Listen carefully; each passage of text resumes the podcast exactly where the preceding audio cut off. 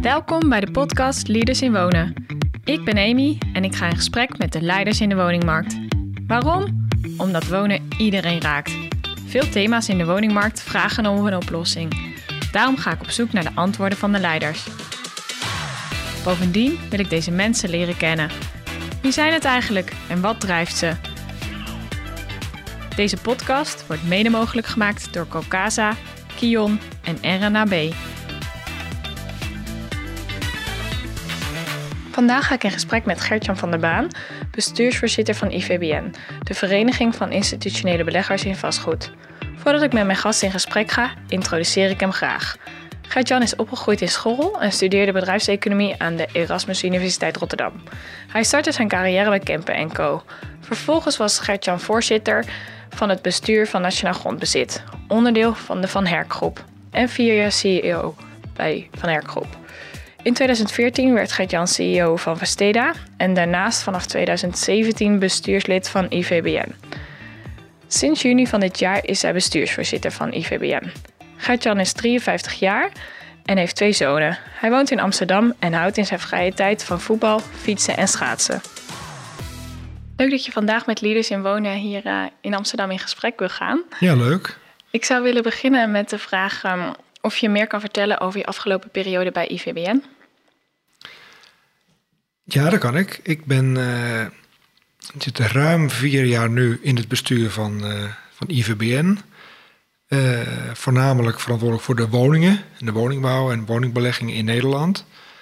Ehm, en daar ben ik natuurlijk voor gevraagd, omdat ik bestuursvoorzitter of CEO ben van Vesteda, wat een hele grote woningbelegger is. Maar um, ik ben recent nu ook voorzitter geworden van de, van IVBN. En uh, is een vereniging van institutionele vastgoedbeleggers, uh, pensioenfondsen, verzekeraars en de partijen die voor hun in het vastgoed beleggen. En die doen meer dan alleen woningen, die beleggen ook in winkels, winkelcentra, logistiek, zorgvastgoed, kantoren natuurlijk. En, en woningen. En de woning was wel de grootste, de grootste post. Uh, maar sinds juni ben ik, uh, ben ik voorzitter voor de, van de hele IVBN geworden, ja.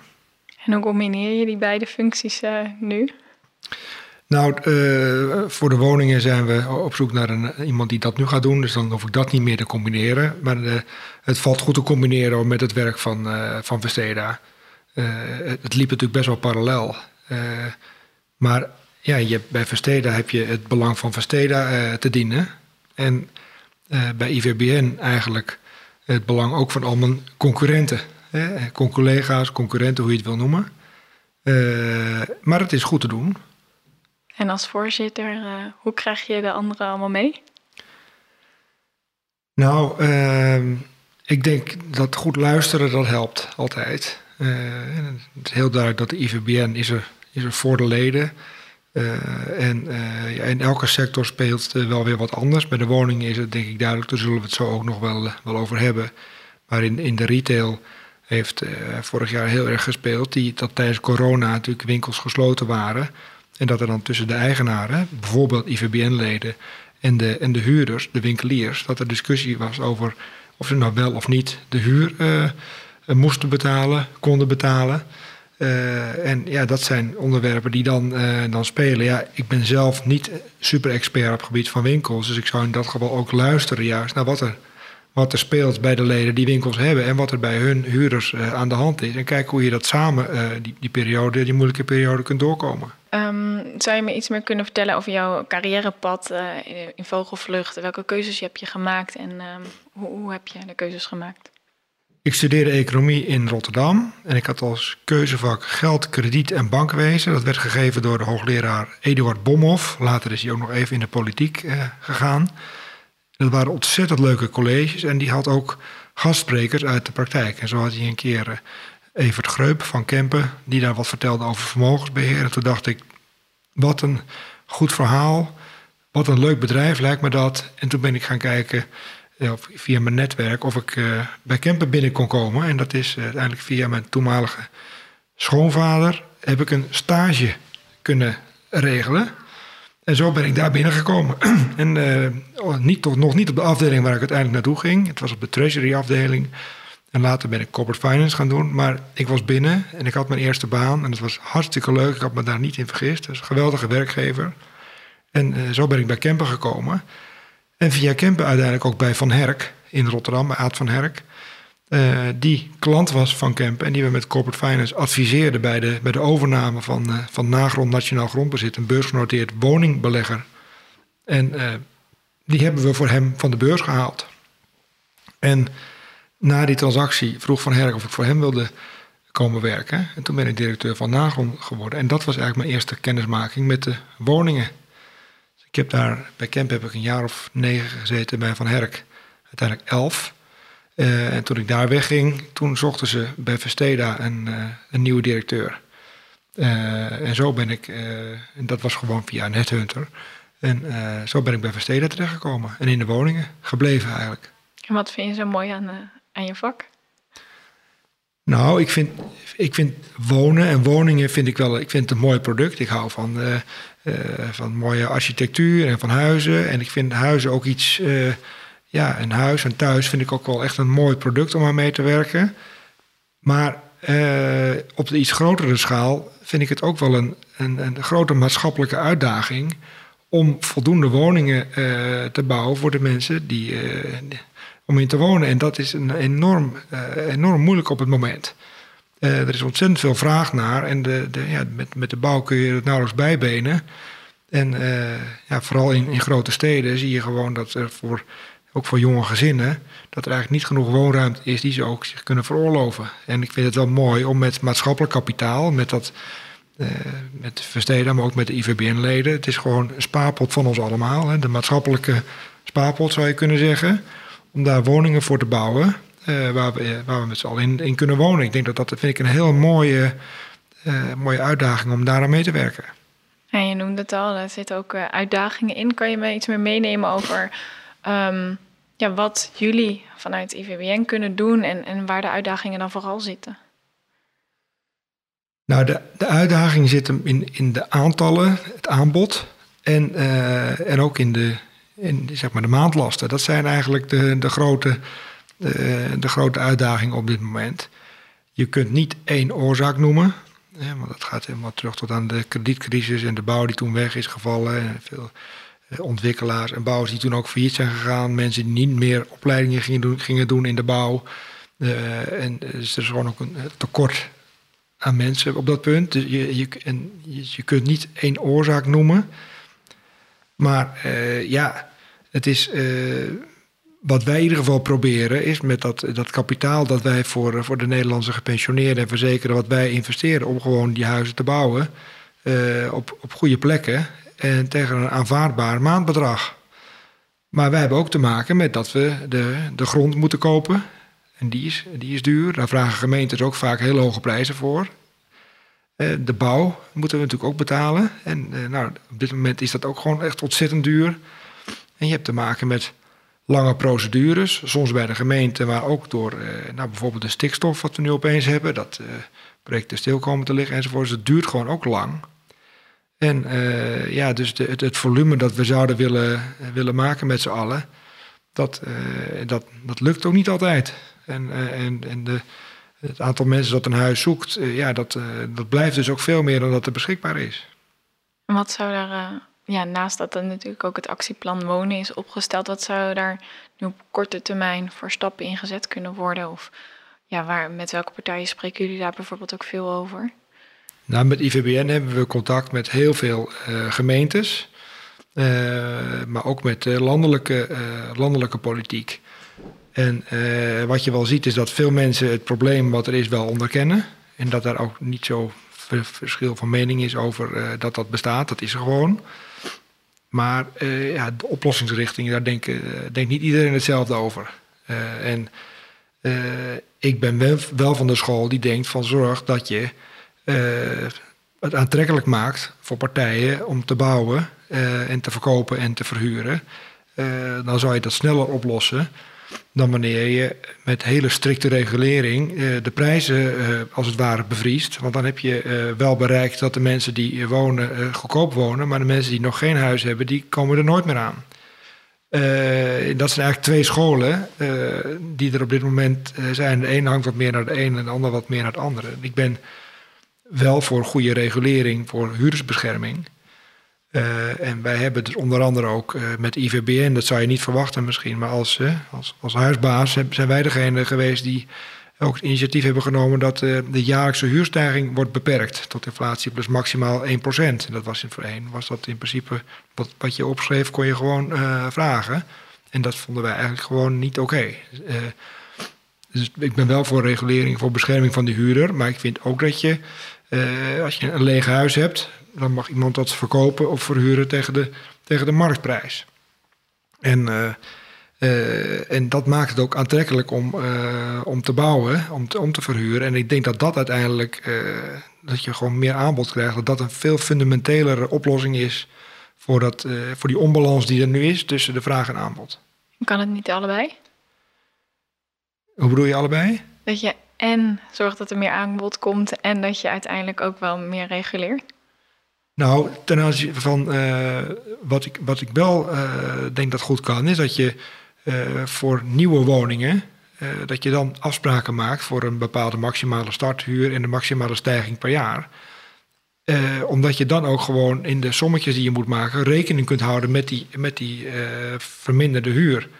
En dan kan je gewoon uitrekenen wat je kunt betalen voor de grond. Daar ben ik juist heel erg voor. Dat vind ik goed. Voor bestaand vastgoed vind ik het eigenlijk niet uh, goed. Vind ik dat je, daar heb je uh, de marktprijs voor betaald. Daar heb je de, uh, betaal je de marktprijs voor je onderhoud.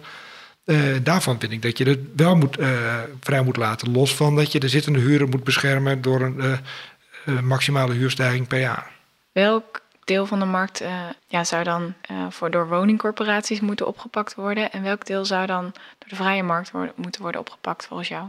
Dan heb je het inderdaad helemaal over de, eh, de huurmarkt. Hè? Want de koop, je hebt geen sociale koopwoning eigenlijk en dat is ook best wel lastig. Um, en tot nu toe is die grens voor sociale huur ongeveer 750 euro uh, per maand. Um, en uh, ja, wat wij zeg maar, het middendure huurstuk noemen is vanaf 750 tot, tot 1000 euro. En, en daarboven, en nou, het stuk daarboven, dat, daarvan zeggen de corporaties ook, dat laten we sowieso aan de markt.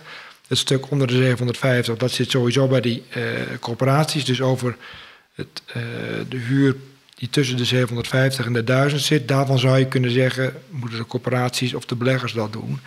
Ik denk dat we dat uh, allebei kunnen doen. Maar dan wel met een ja, zogenaamd level playing field. Dus dat niet de, de corporaties met allerlei uh, subsidies uh, daarin in kunnen bouwen. En dat wij het met ons eigen geld helemaal moeten doen. De corporaties hebben soms ook vermogen wat, wat ze marktconform kunnen investeren. En dan heb ik er geen probleem mee als zij daar gewoon als concurrent optreden. Omdat zij ook ja, soms woningen willen hebben om mensen te laten doorstromen. Iemand die te veel verdient voor een sociale woning, mag in Nederland daar in principe tot in de eeuwigheid in wonen. Uh, overigens ben ik daar ook niet tegen. Ik vind alleen wel dat je dan, als je heel veel verdient, dat je ook echt meer huur zou moeten betalen. Maar goed, zij zouden ook wel wat woningen in dat segment daarboven willen hebben om ze te kunnen laten doorstromen. en, en dat snap ik ook wel. En hoe um, zou de samenwerking nog beter kunnen tussen woningcorporaties en dan de markt? Nou, ik denk door elkaar niet als, als concurrent te zien. Um, en dan, dan zou dat heel goed kunnen, kunnen samenwerken. En dat, dat zien we ook wel, dat in projecten dat er een deel koopwoningen zit, een deel sociaal en een deel in de vrije sectorhuur. En, en dat werkt eigenlijk prima samen. En ik kreeg de vraag vanuit Martin van Rijn. Hoe kun je ervoor zorgen dat middel, middeldure huurwoningen ook niet voor een periode van tien jaar vaststaan, maar voor altijd zo blijven? Nou ja, tussen tien jaar en altijd. Hè. Als je dan ergens in het midden gaat zitten, dan kom je nog heel hoog uit. Maar wat wij de laatste tijd vaak afspreken met gemeenten, is dat we het over een jaar of twintig hebben. Dus dat is al dubbel wat hij, van hij vraagt. en ik denk dat dat ook een prima termijn is. Want binnen die termijn van 10 jaar kun je ook wel, kun je ook wel een dusdanig aantal woningen bijbouwen. Dat het niet zo'n. dat die onbalans weg is. Uh, dat kan je natuurlijk niet in 1, 2, 3 of 5 jaar doen. Maar in 20 jaar moet je zelfs met het huidige volume in Nederland, moet je in 20 jaar zo'n anderhalf miljoen woningen kunnen bouwen. Nou, dan hebben we er gewoon te veel voor de mensen die in Nederland wonen. We hebben natuurlijk ook te maken met sociale en maatschappelijke en duurzaamheidsvraagstukken. Hoe zie je de rol van IVBN daarin? Ik denk als IVBN hebben we het standpunt door, door de achterliggende partijen ook met name, dat we natuurlijk heel graag uh, sociaal willen verhuren, maar ook dat, dat duurzaamheid en het klimaat ontzettend belangrijk is. En dan nog speciaal in Nederland, want we liggen nog voor een deel onder de zeespiegel. Dus dat is ook nog een heel direct uh, belang. Dus je ziet dat bij alle leden dat duurzaamheid heel hoog in het vaandel, het vaandel staat. En ehm, als je kijkt naar een, een, een in het klein, bijvoorbeeld in de steden, dan zie je dat uh, als je veel meer groen gebruikt in je, uh, in je, bebouwde omgeving, in de, in de algemene ruimtes, maar ook op het dak of de, of de wanden, dat dat heel goed helpt om het lokale klimaat goed te houden. Want het absorbeert warmte, het absorbeert water bij, bij grote regenval. Ehm, en ja, dat, en, het woonklimaat verbetert er gewoon ook enorm door. Daarnaast hebben we natuurlijk ook te maken met de energietransitie. En niet vergeten dat die kosten, die zullen links of rechts toch wel bij de eigenaar in rekening worden gebracht. Uh, nou ja, wij zijn die eigenaar, dus wij moeten ook daar een hoop uh, investeren. Um, hoeveel, dat weten we nog niet, maar dat zal, uh, dat zal niet voor niks gaan. en wat je wel ziet is dat nu wordt gezegd dat we tot aan 2050 alle woningen van het gas moeten halen. Dan denk nou ja, zonder die deadline van 2050 nou op te schuiven, denk ik wel dat het veel beter zou zijn om eerst te investeren in, in research. Uh, hoe je die woning het beste van het gas kunt halen. Dus ik denk in plaats van dat je nu gaat uh, beginnen met ze los te koppelen, terwijl er eigenlijk nog geen goede technieken zijn, zou je wat mij betreft veel beter gewoon wat geld kunnen geven aan uh, universiteiten voor, voor onderzoek. om te kijken naar wat goede methodes zijn om uh, om die woningen straks op een andere manier van energie te voorzien. En mijn inschatting is dat met, uh, met het hoogstaande uh, capaciteit van onze universiteit, dat we straks een paar prachtige nieuwe technieken zullen ontdekken die we kunnen gebruiken. En nou, als we dat op een goede manier exporteren aan andere landen in, in de wereld, dan kunnen we daarmee onze eigen energietransitie ook nog helemaal bekostigen. Er is een verschil tussen buy-to-let en build-to-rent. Zou je daar iets meer over kunnen vertellen? Ja, de overeenkomst is dat de eigenaar van het huis het, uh, het huis verhuurt. Maar uh, buy to let is eigenlijk wat veel particulieren doen uh, door die lage rente. Is dat ze een leeg huis kopen wat op funda staat en dat gaan verhuren. en wat institutionele beleggers veel doen, zoals wij, dat is build to rent. En dat betekent dat wij van ontwikkelaars of ontwikkelaars zelf huizen bouwen en die voor de verhuur beschikbaar hebben. Dus dat is wel een, dat is wel een verschil. Wij creëren echt ook uh, extra woningen. En um, de betaalbaarheid van woningen, dat is eigenlijk ook wel een thema wat steeds terugkomt in alle podcasts die ik, uh, alle afleveringen die ik heb opgenomen. Ja, hoe kunnen we ervoor zorgen dat er ook uh, niet alleen meer woningen, maar ook betaalbare woningen gebouwd worden? Ja, nou ja, de, de, de prijs van een woning bestaat eigenlijk uit de grond en de bouwkosten. Die bouwkosten, ja, daar kan je van alles van vinden, maar die zijn wel een beetje wat ze zijn. Want daar kun je niet zoveel in, uh, aan doen. Behalve dan dat je een ontwerp maakt wat uh, niet zoveel tierenlantijntjes heeft, dat het gewoon een betaalbaar uh, product is. maar aan de grondprijs kun je wel wat doen. En dat betekent dat het bij grond die van de gemeente is, dat zij kunnen nadenken over ze daar misschien wat korting op geven, zodat het betaalbaar wordt. Ze kunnen ook uh, je kunt ook op plekken gaan bouwen waar de grond gewoon veel goedkoper is. En uh, dus uh, er wordt wel eens een cliché gezegd: bouwen, bouwen, bouwen. Dat vind ik echt een verschrikkelijk cliché om te horen. ik onderschrijf de noodzaak om meer bij te bouwen. maar het is niet alleen bouwen. Ik denk dat we bijvoorbeeld door te investeren in goed openbaar vervoer, dat we ook plekken met elkaar kunnen verbinden Waardoor uh, plaatsen waar de grond wat minder duur is, je met ongeveer dezelfde bouwkosten wel huizen kunt bouwen die wat betaalbaarder zijn. En als je gewoon goed een goed OV-netwerk hebt, dan uh, is de reistijd nog steeds uh, acceptabel. Los van dat mogelijk door die, het is een begin van een trend door, door corona, dat mensen wat meer gewend zijn aan thuiswerken en dat ze misschien niet meer vijf dagen in de week naar kantoor hoeven, maar misschien vier of drie. En dan is het ook minder erg als je wat reistijd extra hebt. En ik denk dat daardoor ook plekken nu nog aanvaardbaarder zijn om te gaan wonen en dus ook om te bouwen dan, dan voorheen. En waar zijn die gebieden dan, volgens jou?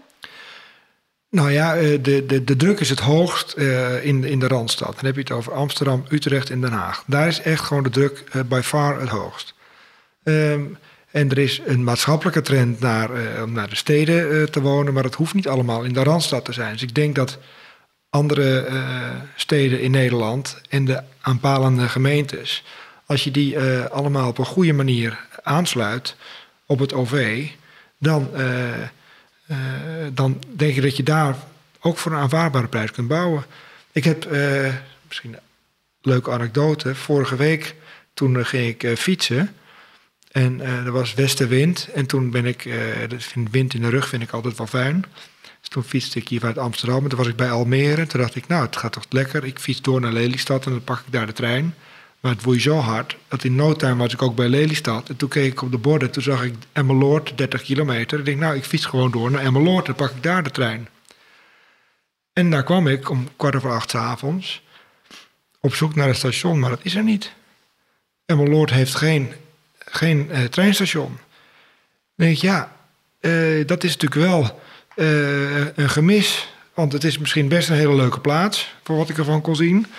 Ik heb er lekker gegeten, want uiteindelijk heeft mijn zoon me opgehaald. Ik heb er lekker gegeten.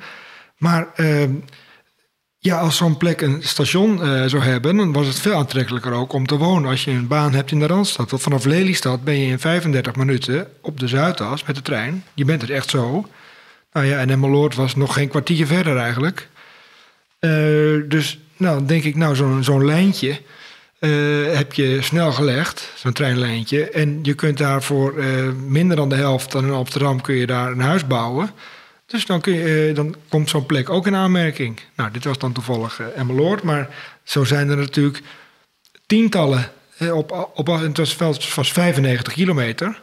Maar het stelt gewoon niet veel voor qua reistijd als je dat op een goede manier organiseert. En dan denk ik dat dat, dat helpt ook. Dus niet alleen bouwen, ook dit soort dingen doen. Hoe zou de slogan volgens jou moeten zijn dan? Um, ja, dat, uh, daar moet ik wat langer over nadenken. Maar Mag wel, je wel, nog... wel, een goede vraag. Mag je me nog eens sturen? Oké. Bouwen, verbinden en... Nou ja, het is, het is in ieder geval niet alleen bouwen. Het is bouwen en ook inderdaad uh, zorgen voor die, voor die goede OV-verbindingen. Andere punt wat ik uh, veel uh, zie bij, bij jullie op de website is toch wel de zorgen over de toenemende reguleringsdrang. In hoeverre uh, ja, gaat dat voor de komende tijd, verwacht je nog echt impact hebben op ja, de rol die jullie kunnen spelen binnen de woningmarkt? vorig jaar hadden we natuurlijk verkiezingen, tenminste afgelopen jaar in, in maart. En, en wat je zag is dat een aantal partijen die verkiezingen hebben aangegrepen om een paar, noem het maar gewoon populistische maatregelen te nemen, zoals het bevriezen van de huur. Wij hadden bij onze huurders, en dat spreek ik eigenlijk voor heel IVBN, ongeveer 1% van de mensen had, een, had een betalingsprobleem. We hadden al afgesproken met de minister dat we ze niet gingen uitzetten, dat we per gingen verhogen. en dat we voor die mensen een maatoplossing zouden zoeken als zij de huur niet konden betalen. Maar een aantal linkspopulistische, in dit geval partijen, heeft gewoon uh, gestemd voor een, voor een huurbevriezing. Wat de facto betekent dat die huurders gemiddeld uh, eh, 6 euro minder huur betaalden in de maand. voor het jaar daarop. Ehm, en de meeste mensen hebben gewoon via hun CEO een, een, een, salarisstijging gekregen. En de mensen die een echt probleem hadden, hadden geen probleem van 6 euro, maar die hadden een probleem voor de hele huur. Dus het was gewoon eigenlijk een manier van, je zou kunnen zeggen, ja, wat ze noemen helikoptergeld. Hè, geld uitstrooien over de bevolking om stemmen te trekken. Uh, maar het heeft geen enkel effect gehad. Want de mensen die het niet konden betalen hadden er niks aan. En de mensen die gewoon een huur konden betalen hadden niks aan die 6 euro. Ja, en dat is, wat, dat is wat je helaas veel in de politiek ziet. Dat, uh, dat er wordt heel erg uh, populistisch nagedacht en gescoord met die woningmarkt.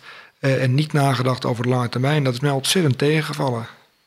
En wat is er wel nodig voor de lange termijn? Of wat zou jij nog, wat is jouw boodschap aan de politiek? Nou, dat ze uh, niet moeten. Uh, je moet die huidige uh, regels die er zijn, die zijn eigenlijk goed zat. Ik denk dat je gewoon zou moeten stimuleren. in plaats van reguleren. Dus zorgen dat er nog gebieden komen waar, waar gebouwd kan worden. dat procedures versneld kunnen worden. En dat het aantrekkelijk wordt gemaakt. Juist ook voor partijen zoals de IVBN-leden om, om te kunnen investeren in woningen. Het zijn gewoon, het is ons, het, er zijn 10 miljoen mensen die hun pensioen op die manier hebben geïnvesteerd. Nou, je hoort dat pensioenfondsen is het helemaal niet zo makkelijk om een goed rendement te halen voor zo'n pensioen. Nou, je kunt hier dus twee vliegen in één klap slaan. Dat je een goed pensioenrendement maakt met woningen die voor heel veel mensen betaalbaar zijn. Ja, in plaats van die partijen weg te jagen met allerlei regels. Uh, zou je ze juist moeten, uh, aantrekkelijk moeten maken voor ze om het, uh, om het te doen. En dan komen die woningen er echt. Want heb je nu echt het idee dat ze weggejaagd worden? Nou, de dreigende, de dreigende regulering maakt dat je gewoon het risico ook moet calculeren. dat er inderdaad zaken veranderen. Bijvoorbeeld woningen die in de vrije sector nu worden verhuurd. daar dreig, dreigt men straks om die ook in de, met, met een aantal punten de huurprijs te beperken. Nou, als jij die in die woning hebt geïnvesteerd toen dat nog niet zo was en nu doe je dat wel, dan uh, ja, heb je een enorme waardevermindering. Uh, en dat, uh, ja, dat maakt wel dat partijen twijfelen of ze nog meer geld in die woningmarkt willen gaan, gaan stoppen. Terwijl ik denk dat dat juist, je zou het moeten aantrekkelijk moeten maken voor ze. Dat ze bij wijze van spreken het dubbele bedrag dan wat ze nu hebben nog eens een keer in die woningmarkt investeren. Dan, dan los je het op. Zijn er nog andere punten waarvan je zegt dat moet ik eigenlijk nog wel echt benoemen bij dit onderdeel? Wat ik ook jammer vind is dat de discussie in de politiek gaat dan over hè, het, het, bouwen, het gaat over de huurregulering enzovoort. Maar je zou eigenlijk willen dat er gewoon, en daar is geloof ik wel sprake van, dat er misschien straks een minister komt van, van wonen, wonen en ruimte misschien zelfs wel. Maar dat, dat, eh, dat je nog breder kijkt naar wonen en de samenleving. Want er zijn een aantal, er is een aantal dingen best wel scheef. Uh, en dan vind ik bijvoorbeeld uh, de hypotheekrente uh, aftrek. je mag, de, de, rente is al heel laag, je mag de kosten aftrekken. En vervolgens als je het huis verkoopt, is de winst onbelast helemaal voor jou. dat vind ik eigenlijk ook, ja, voor mijn eigen huis vind ik het fijn overigens. Maar het, ik, dat, is niet, dat is eigenlijk niet oké. En dat uh, drijft prijzen ook uh, verder op. Uh, dus dat je huis niet in je vermogen meetelt, is natuurlijk ook, is natuurlijk ook gek. dus dat zou je ook aan moeten, moeten pakken. Hetzelfde als individuen die in woningen beleggen, dat je die, die huur- en waardestijging niet allemaal netto kunt genieten, maar dat je er ook gewoon de winst die je daarmee maakt, dus ook na kosten, dat je die ook gewoon belast. En dat geldt niet alleen voor woningen, maar misschien ook wel voor aandelen en andere vermogensbestanddelen. Dat je gewoon een veel eerlijker uh, belasting krijgt van, van het rendement of de winst die je maakt op je vermogen. En wat mij betreft zou dan de belasting op arbeid misschien juist zo weer wat naar beneden mogen. Maar dit zijn dingen die, die je niet alleen bij minister van Wonen kunt neerleggen, maar dit moet je veel, veel breder doen. En dit dit draagt niet bij aan een wat meer gelijkmatige verdeling van de welvaart. Want als je dit op een goede manier zou doen, dan kan iemand kunnen kiezen of je een huur- of een koophuis heeft, dat het op een vergelijkbare manier wordt beloond en of belast. En dat is nu niet zo. En dat vind ik niet helemaal eerlijk. Ik zou graag over willen gaan uh, um, naar, naar jouw eigen jeugd. Hoe ben jij, uh, in wat voor omgeving ben je opgegroeid? Ik ben geboren in Utrecht, maar al op vierjarige leeftijd verhuisd naar Schorel in Noord-Holland. En uh, met mijn vader en moeder. En uh, eenmaal daar kreeg ik heel snel een broertje op mijn vierde, eh, vier, jaar, vier jaar jonger dan ik. En daarna een zusje die uh, zes jaar jonger is dan ik. En um, dus drie kinderen thuis en, en mijn ouders. En welke normen en waarden heb jij van huis uit meegekregen? Ze waren, mijn ouders waren wel best wel een beetje streng. Zeker op het gebied van, de, van school en, uh, en tijd naar bed en, en dat soort dingen. En niet al te uitbundig. mijn moeder was orthopedagoog, dus opvoedkundige. en mijn vader kernfysicus. Dus het waren wel verschillende types. Maar hadden allebei een beetje aan de zorgkant. Mijn moeder bij wat je nu wel de GGZ noemt, de RIAG. En mijn vader die ontwikkelde nucleaire geneesmiddelen en, en diagnostica. Dus ze zaten een beetje in die gezondheidskant. En ze werkten allebei dus. Ehm, en in die zin wel opgevoed met het idee van uh, belangrijk dat je een goede opleiding hebt. Belangrijk dat je nadenkt over later. sport, muziekles. Nou, en, maar al heel vroeg al, waren, daar waren ze best wel vroeg al mee met aandacht voor milieu en energie. en dat soort zaken. Geen energie verspillen, licht uitdoen. Niet voor elk je de auto uh, pakken. Gewoon op de fiets naar school. Als het dan heel erg was, dan mocht ik wel eens met de bus naar Alkmaar. Dat is 11 kilometer of zo. En uh, je zegt allebei je ouders meer richting zorgen. Wat was voor jou dan de reden om uh, een hele andere kant op te gaan en bedrijfseconomie te gaan studeren? Nou ja, dat mijn moeder altijd zei van uh, zo goed als wij krijg je het later nooit. Want wij hebben een geweldige pensioen. Dus jullie moeten echt later, je moet echt goed voor jezelf zorgen. Ik, nou, dat zullen we nog wel eens zien. Dus toen ben ik eh, economie in Rotterdam gaan studeren. Nou ja, je zei al, um, ja, ook wel uh, vanuit huis meegekregen om ja, gewoon eigenlijk best wel streng opgevoed. Of gewoon van je moet je dingen echt hard voor werken. Is dat ook iets wat je nu altijd nog meeneemt? Je moet werken voor wat je, wat je wil bereiken? Ja, dat vind ik, dat vind ik wel. En even nog weer terug te komen op die woningmarkt het volledig reguleren en iedereen maar voorzien van, van woningen. Uh, heeft, heeft ook, hè, ons hele sociale stelsel heeft ook een, een, een tegenkant. Een andere kant. Uh, dat ik het wel goed vind als je gewoon ergens je best voor moet doen. En dat je mensen die dat niet kunnen heel goed helpt. Daar ben ik helemaal voor. Maar alles maar iedereen zomaar geven daar krijg je volgens mij, ja, dat, dat, dat werkt niet. Ik vind het wel goed dat je gewoon een beetje ergens je best voor moet doen. En ben je zelf ook uh, heel serieus geweest in, in, je hele studententijd? Of, in, of heb je toen wel wat meer de teugels laten vieren?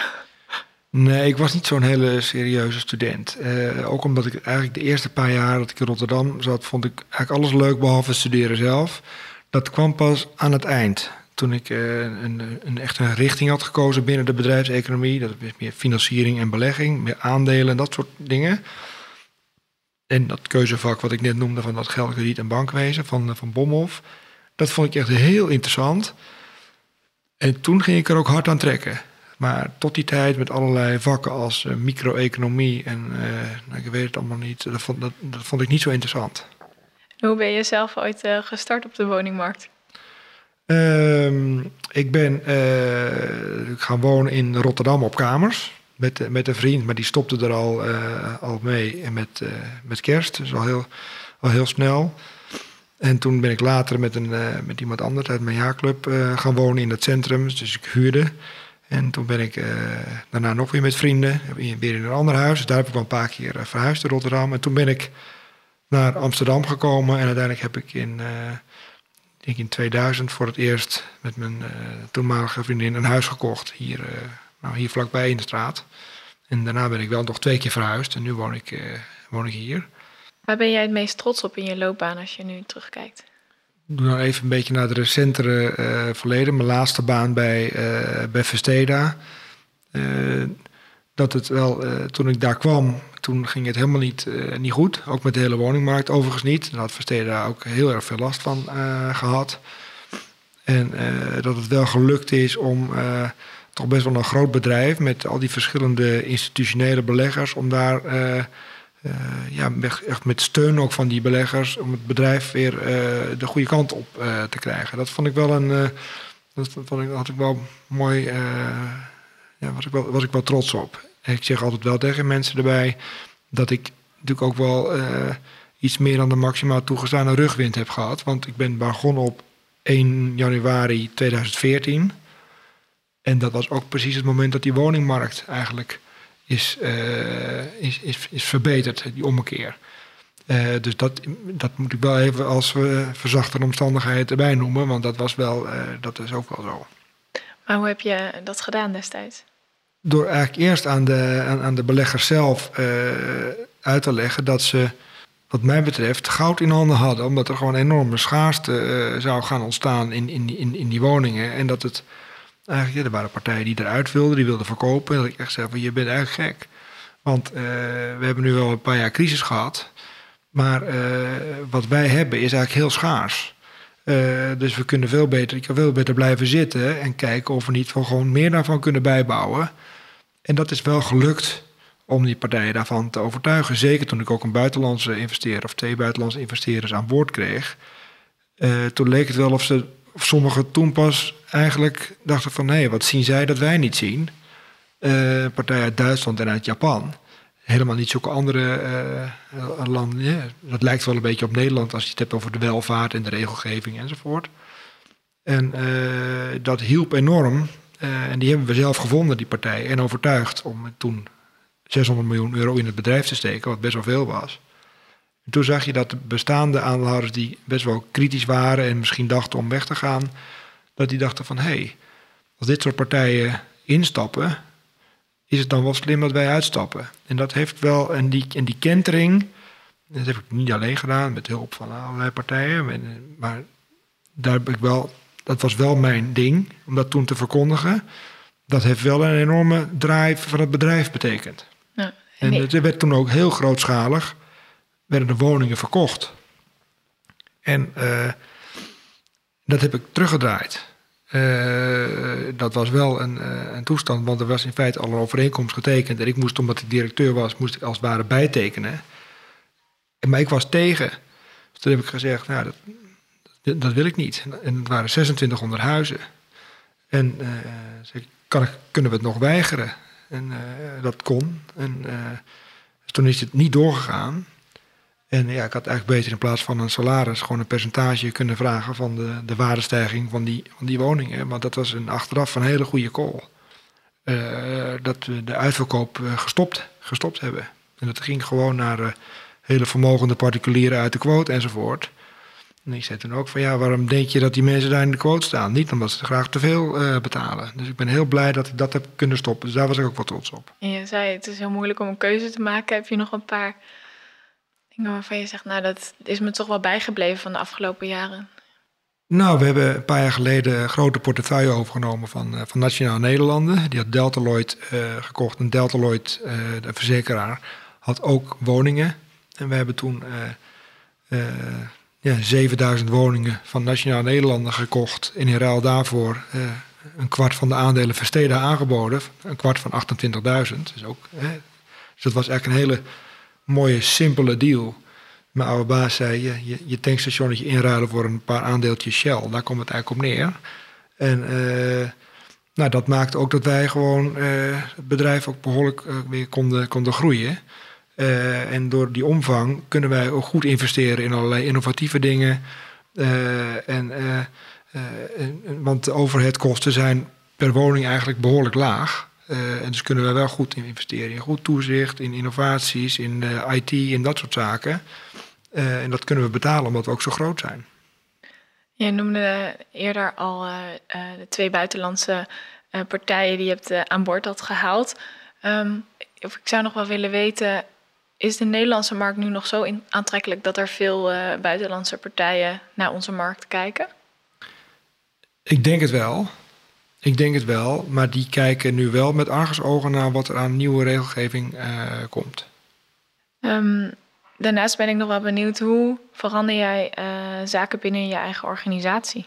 Je probeert toch heel goed na te denken over waar je met het bedrijf naartoe wil. op, op, op verschillende aspecten dan.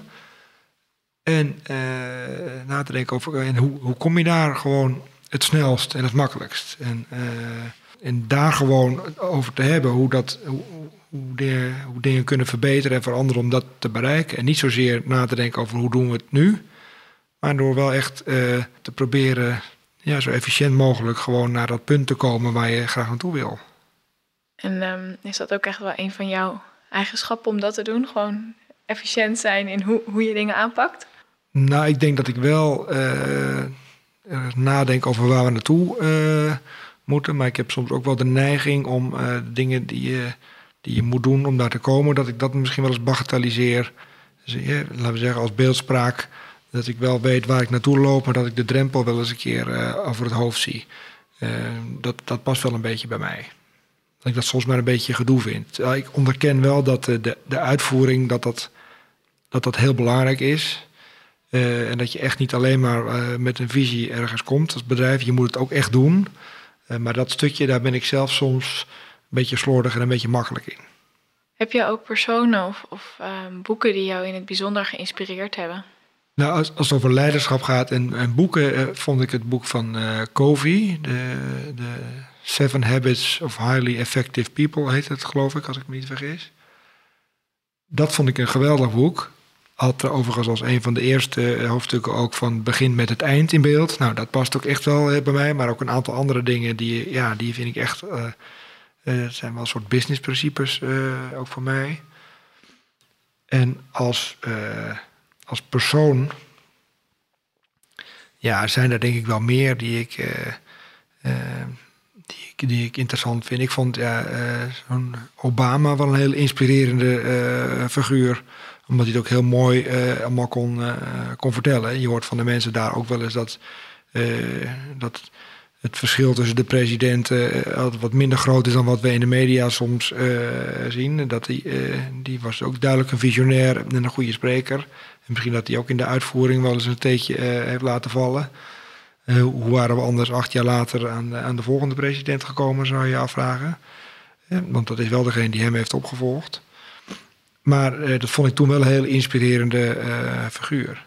En in, de, uh, in het zakenleven ja, vind, ik, vind ik die Musk wel een beetje een, een, een bijzondere vogel. Maar ik vind ongelooflijk hoe hij de dingen toch ook voor elkaar krijgt. Want die heeft dus ook die visionair, is hij. Maar hij heeft ook dingen echt voor elkaar gekregen. En soms denk ik nog wel eens van hoe, hoe houdt hij die ballen allemaal in de lucht?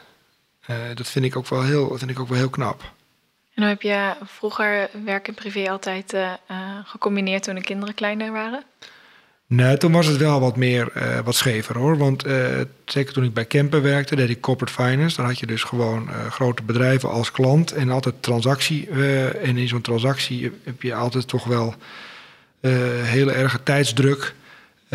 en dan was het echt een heel stuk ingewikkelder. dus ik heb nu niet eh, we hebben wel klanten, dat zijn gewoon huurders. Eh, maar dat zijn niet eh, trajecten zoals de overname van een bedrijf of de, de beursgang van een bedrijf of de fusie. Dat waren echt hele grote deals met veel tijdsdruk en, met veel mensen en een teamsprojectmatig werk. Uh, en, uh, en, en, toen was werk en privé uh, wel behoorlijk scheef. En hoe blijf je nu mentaal en fysiek fit? ik sport toch wel heel regelmatig. Dat helpt. En, en ik ben, kan het ook goed relativeren en, en, uh, en wel loslaten. De volgende aflevering heb ik um, Zeno Winkels in mijn uitzending. Of ik zou je willen vragen om aan. Um, ik zou je willen vragen om na te denken over wat, wat voor vraag je hen zou voor willen leggen. ik heb wel een vraag voor, voor Zeno. En dat is, heeft te maken dat veel mensen die, die, lid zijn van de woonbond, die uh, huren bij een woningcorporatie. En als die een, een dispuut hebben met de corporatie, dan kunnen ze naar de huurcommissie. wij denken dat de institutionele beleggers eigenlijk ook hun huurders de kans zouden moeten geven om naar die huurcommissie te kunnen gaan.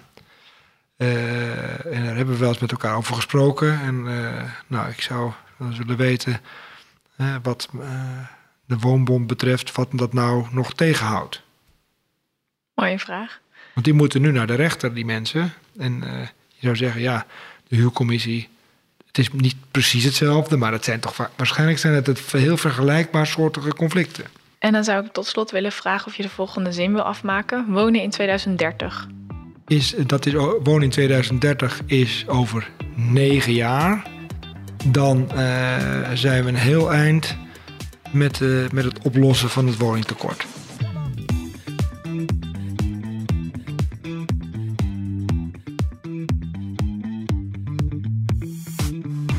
Leuk dat je luisterde naar de podcast Leaders in Wonen. Voordat we afsluiten wil ik graag de partners van deze podcast bedanken. Calcasa, Kion en RNAB.